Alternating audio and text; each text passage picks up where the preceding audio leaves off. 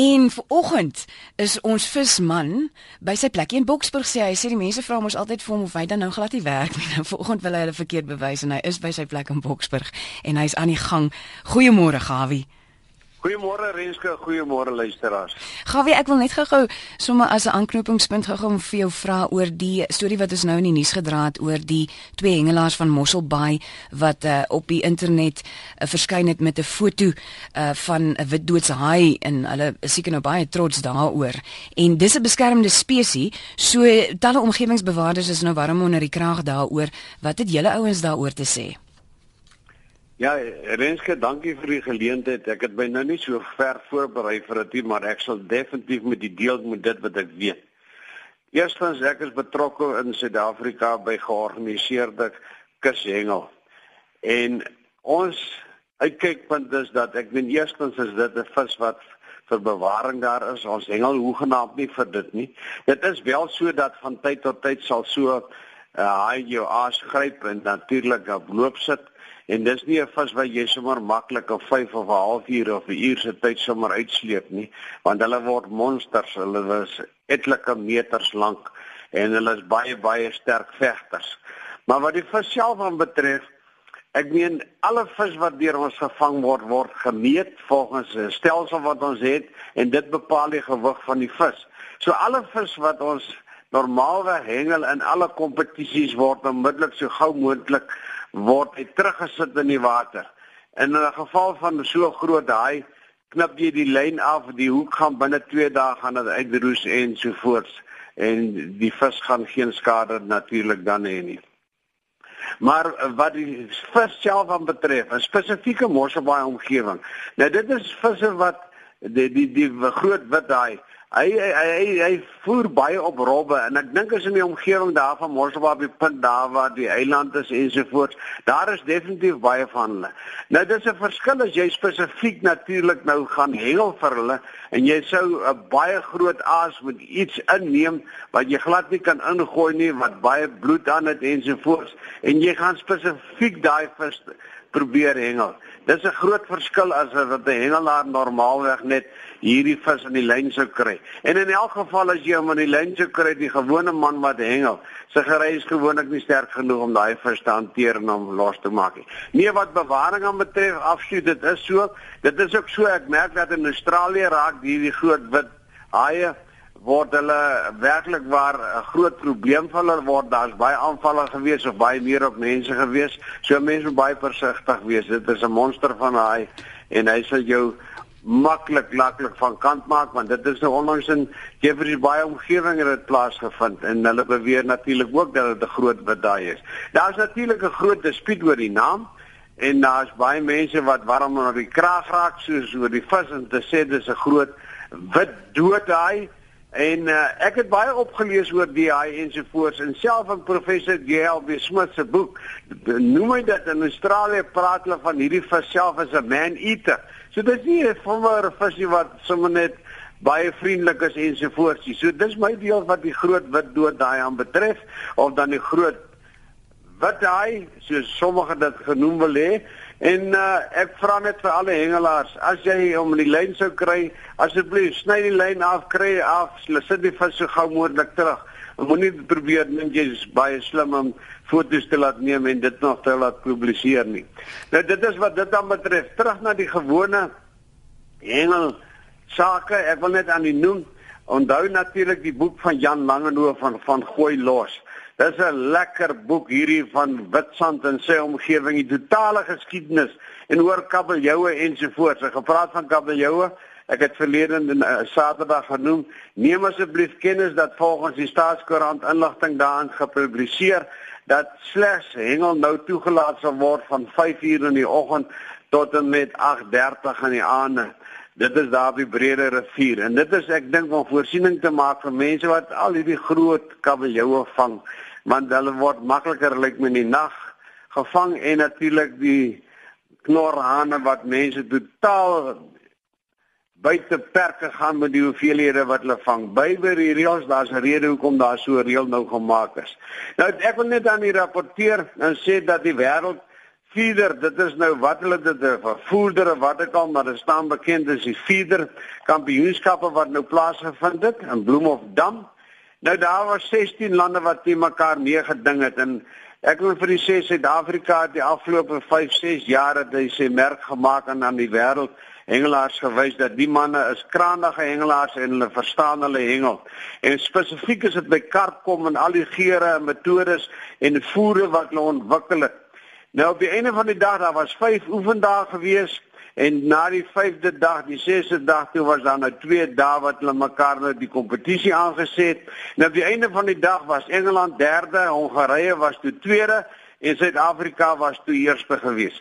'n man met die naam van Jambo Willemse, nou die naam sê vir homself al dat Jambo is 'n groot man.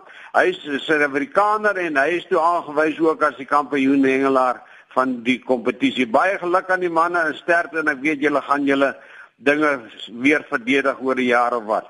Piet van Oudtshoorn Dis 'n man wat baie inligting het oor varswaterdamme en die stand van die damme, wat jy daarin kan vang ensovoorts. As jy gaan na www.visvangplekke .co.za sal jy al hierdie inligting daar kan kry.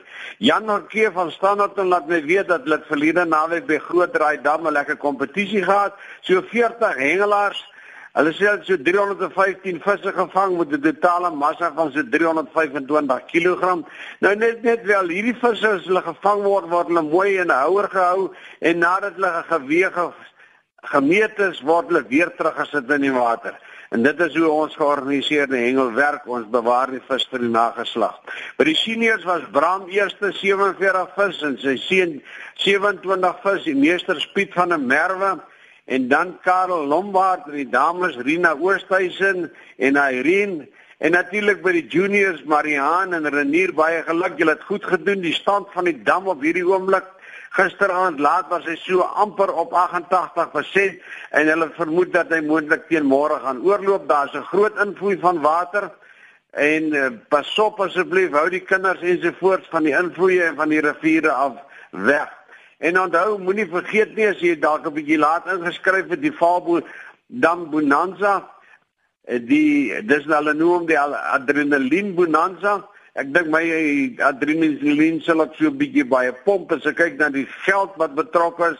30000 rand, 20, 10, 10000 rand ensovoorts en vele baie ander pryse. Jy kan natuurlik 'n lekker meevallertjie maak as jy nou daar by die Valdam verbyry, jy sien die kompetisie is in die gang, dit eindig môre en gaan doen jou ding daar. Nou ek wil net vir u sê Jan Noortjie sê vir my ook op die oomblik is daar baie babers in die Vaalrivier wat baie aktief is. Ek dink dis met die water wat invloei.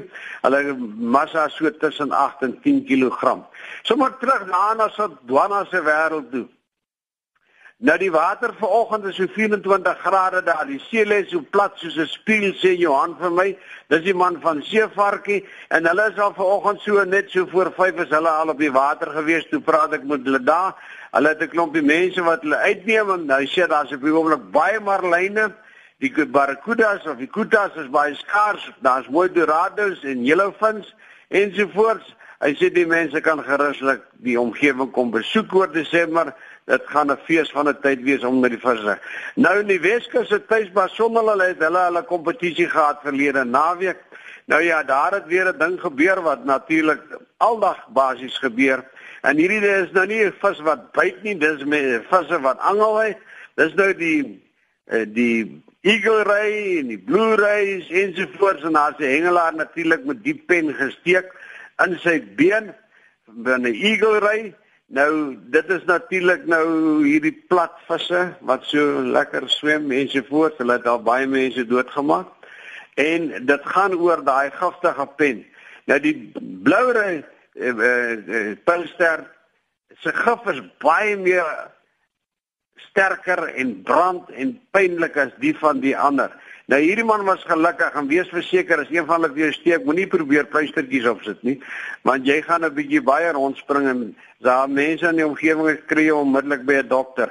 En ek noem dit spesifiek want in Desember maand is daar baie van hierdie visse wat gehengel gaan word en jy kan nie kies wat gaan nou in die lyn byt nie. En as dit een van hulle is, daai stertjie van hom is baie parmantig. Nou hulle het baie sandvisse gevang, sandhaie gevang, bloupylsterwe gevang, 'n klomp die koeihaie gevang daar by die skreeuwalle.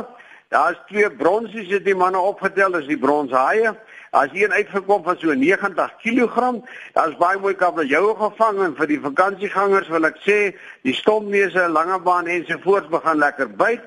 Uisterfontein byt die vis nog baie goed, die geels sterkte ensovoorts is daar maar die oomblik is die see bietjie rof, die suidewind het natuurlik daai dam so bietjie omgekrap en dis natuurlik hy maak die water so gemmer kleur en dan byt die vis baie lekker. Vir die mense wat wil gaan kreef vang, onthou nou net Jy moet nog wag tot die 14de toe. En dan laat Bernard Venter van Noord-Gauteng my weet, hulle Adloor Cash Challenge, dit word gehou by Renosterkop Dam op die 7de Desember net hier om die draai en daar's geweldig baie pryse en hierdie kompetisie is net vir kunsaas hengelaars.